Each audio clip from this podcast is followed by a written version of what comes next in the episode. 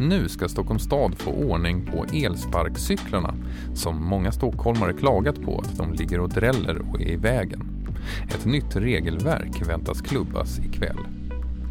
Vi får också höra om 24-åriga Myrna som efter en blöt utekväll kastade en elsparkcykel i sjön och fick ett märkligt ultimatum av tillverkaren.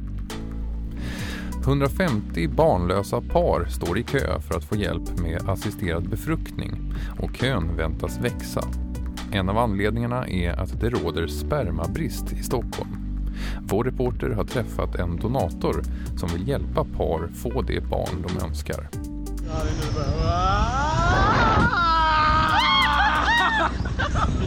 Det där var allt om Stockholms reportrar som teståkte Gröna Lunds nya åkattraktion som marknadsförs som den läskigaste någonsin.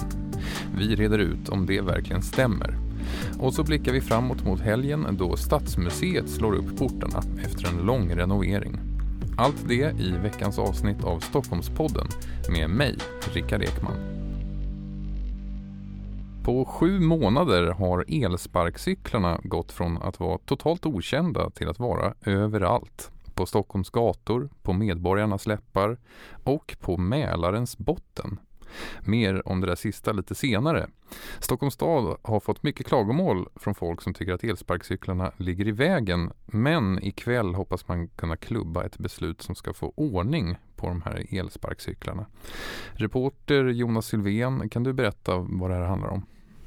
Ja, absolut. Det kan jag göra. Ikväll ska ju då Trafiknämnden klubba igenom det här nya regelverket som ska gälla och i regelverket står bland annat att eh, det ska bli förbjudet att parkera sparkcyklar på vissa platser i innerstan, till exempel Odenplan och på Medis.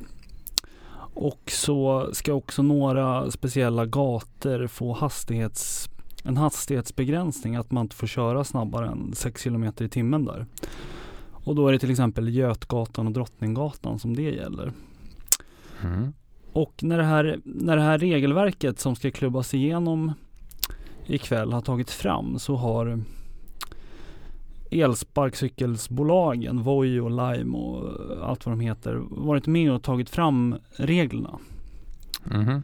Det har gjorts liksom i samspråk mellan kommun och företagen helt enkelt. Precis, det, de har tagit fram det tillsammans. Um, och om, om det då klubbas igenom ikväll som det förväntas göra så vill staden att, att um, elsparkcykelsbolagen skriver på så snabbt som möjligt och sen får de två månader på sig att, att, att börja följa det här regelverket helt enkelt. Vad är det som gjort att Stockholms stad känner sig pressad att ta fram ett sånt här regelverk? Jo men ehm, trafikkontoret har ju fått in en väldig massa klagomål sen sparkcyklarna kom. Från, alltså klagomål från stockholmare som tycker att de är i vägen och ligger och skräpar på trottoarer och, och på torg och eh, att, att folk kör för snabbt mer om att, att det är läbbigt när folk susar förbi. Och i vintras blev de ju en snackis också under, när det kom en massa snö. Precis, det var många snöröjare som, som, som hade svårt att, att röja snö helt enkelt. Så att de, låg i snödrivorna. Mm. Eh, ja, de väcker onekligen känslor de här elsparkcyklarna. Och eh, apropå det så har du träffat en person som på kort tid blev först någon form av symbol för motståndet och missnöjet mot dem och som sen blev en officiell ambassadör för en av tillverkarna. Det är en väldigt konstig historia. Kan du berätta om det? Ja, det är en, det är en, det är en otrolig historia faktiskt. Den, Myrna, Myrna Lorentzon heter hon som jag intervjuade. Det var i oktober förra året som hon hon hade varit ute och festat med sina kompisar och så var hon lite berusad och så såg hon en sparkcykel vid Södermälla strand som, som bara stod där och då fick hon för sig att slänga den i vattnet. och, så, mm. och så gjorde hon det och så filmade hennes polare när hon gjorde det och så la hon ut det på sociala medier. Och sen så någon, någon dag senare så, så hörde företaget av sig och sa att antingen så kommer vi ta det här till domstolen, att du har slängt vår sparkcykel i vattnet. Eller så blir du vår ambassadör. Jaha, Och, okej. och då, Vad svarade hon då? då? då svarade hon ja. Eh, men sen blev hon ingen ambassadör i alla fall, utan det liksom ströks. Hon tror själv att det var för att eh, företaget då insåg att hon inte var känd eller influencer så, så de, de skulle väl antagligen inte tjäna på att ha henne som ambassadör. Men eh, ja, det blev ingenting mer där. Men det är en väldigt rolig historia. Mm. Tack Jonas Sylvén för den där eh, rapporten. Nu blir det fler nyheter i korthet i form av veckans svep signerat Johanna Kempe. På torsdagsmorgonen våldtogs en ung flicka utomhus i Lanna i Huddinge. Polisen har undersökt brottsplatsen och inlett en förundersökning om grov våldtäkt. På torsdags eftermiddagen hade ännu ingen misstänkt gripits. Sluta svamla, ta hand om de gamla. Ja, så lät det i onsdags när en stor demonstration hölls i centrala Stockholm för att uppmärksamma fattiga pensionärer. Det var organisationen Vid din sida som stod bakom demonstrationen som samlade tusentals personer. På tisdag är det valborg, men firandet kan vara hotat. På grund av det torra vädret avråder räddningstjänsten från att elda. Än så länge råder inget förbud, men om det fortsätter att vara lika torrt kan det leda till att valborgsbrasorna får ställas in. Norsborgs herrgård, som byggdes på 1700-talet, totalförstördes i en brand i måndags. När räddningstjänsten kom dit var det redan för sent att släcka elden och byggnaden fick brinna ner. Ingen person skadades i branden och det är fortfarande oklart hur den startade. Kanske har du sett och hört polisens kommunikatör Kjell Lindgren berätta om skjutningar, misshandelsfall och annat polisarbete i Stockholm. Men nu är det slut med det. 65-åriga Kjelle lämnar in polisbrickan och går i pension. Under sina 40 år i tjänsten har han bland annat jobbat med två terrordåd, Barack Obamas Stockholmsbesök och kommit i kontakt med sin namne, en amerikansk astronaut vid NASA. Nu ska vi prata om Stockholms spermabrist. 150 barnlösa par står i kö till Huddinge sjukhus för att få hjälp med assisterad befruktning. Och vår reporter Ingrid Johansson, du har rapporterat om det här. Till att börja med, vad beror den här spermabristen på? Ja, det beror ju dels på att numera kan ju fler få hjälp. Samkönade par och även ensamstående kvinnor kan ju få hjälp att få barn. Dessutom så är det från och med 1 januari eh, tillåtet i Sverige med eh, både donerade spermier och ägg. Eh, och dessutom embryodonation. Eh, så det gör ju att eh, efterfrågan ökar helt enkelt. Sen är det ju så också att det är en tuff procedur för spermadonatorerna. Eh, de måste gå många gånger till kliniken och det omfattar också undersökningar. Så att eh, det är lite besvärligt och kanske också även okänt för många att det här är någonting som behövs. Mm. Ja, apropå det, kan du berätta lite mer om hur spermadonation går till? Får, får vem som helst donera till exempel? Ja, inte riktigt. Du ska vara mellan 23 och 45 år gammal. Eh, du får lämna spermaprov. Du får ha samtal med kurator och läkare. Eh, sen så kommer du till kliniken i upp till 10 tillfällen och lämnar sperma i särskilda, du har ett särskilt rum. Och eh, sen när allting är klart så får du göra nya prover för att utesluta att du har några sjukdomar. Och sen är det klart för donation. Mm. Det låter ju som en ganska lång och krånglig procedur. Du har ju träffat en som har gått igenom det, en, en donator. Eh, Kan du berätta lite om det mötet och hur tänkte han kring frågorna om, om donation? Han var först och främst väldigt öppen med att han tyckte att det här var någonting bra att göra.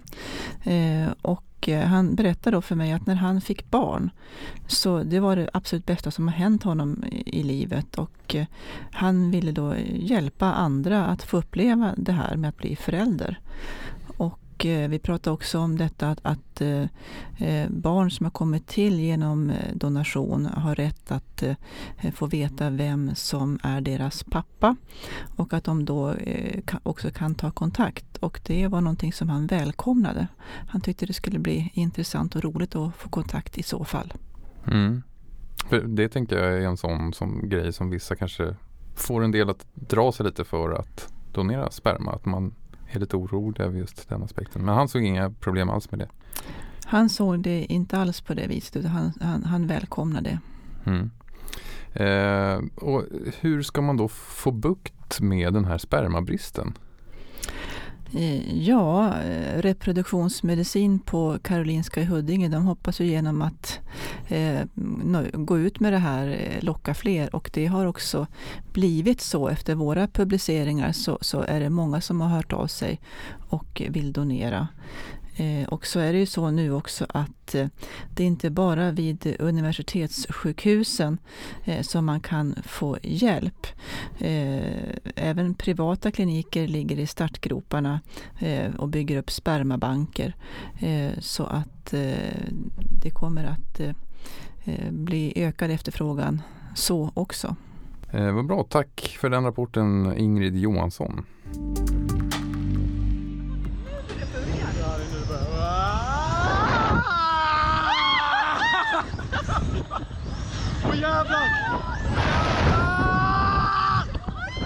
Ja, så där kan det låta när två Allt om Stockholm-reportrar är på Gröna Lund. Det var Johan Thornton och Sandra Eriksson som teståkte den nya attraktionen Snake.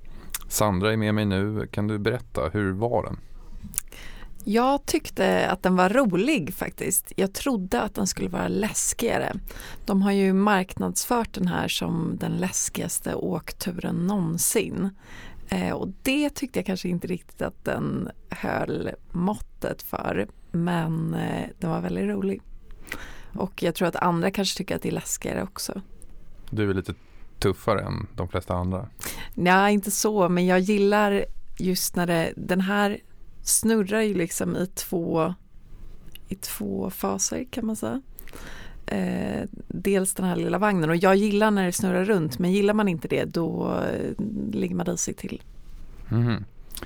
Så om man ska försöka jämföra den med andra då, det är mer snurret som är grejen här snarare än ja, hög höjd? Eller det är mycket sug i magen liksom. Men det är hög höjd också och eh, en hastighet på 80 km i timmen och så är det 4,3 G-krafter som åkarna utsätts för där. Mm.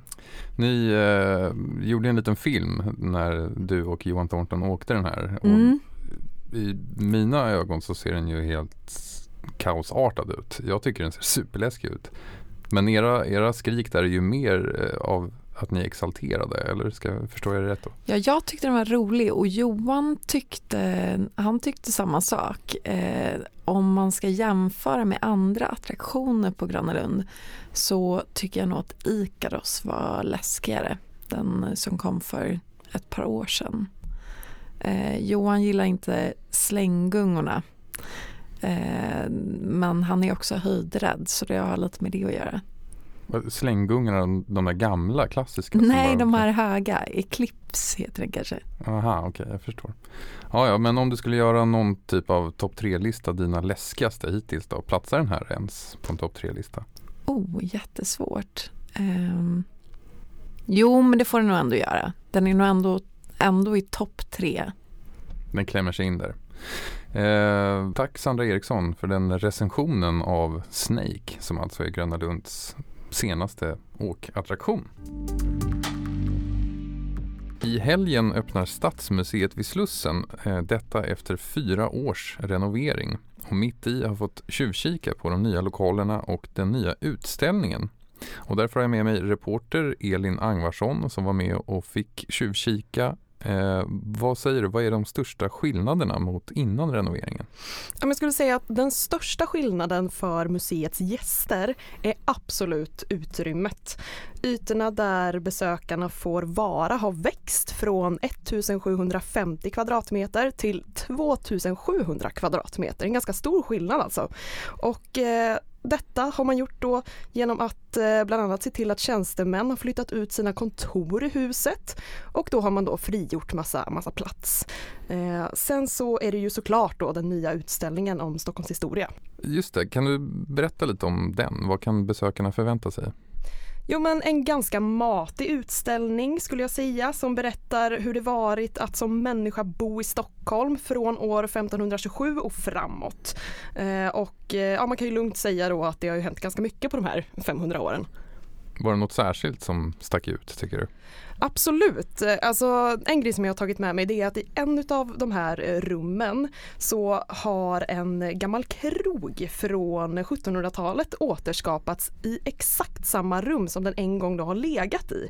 Den här krogen ska ha hetat Källarstugan och låg alltså då i det som numera är Stadsmuseet. Och eh, det sägs då bland annat att Bellman och Lasse-Maja ska ha druckit precis i det där rummet. Mm. Eh, men eh, det som jag fastnade för det här rummet då, det är att det finns ett mycket intressant skåp i det. Och eh, i det här skåpet så satte personer som skulle avrättas sitt sista glas från sin sista sup i livet. Eh, vet man vad den här renoveringen har kostat? Nej, man vet faktiskt inte det ännu.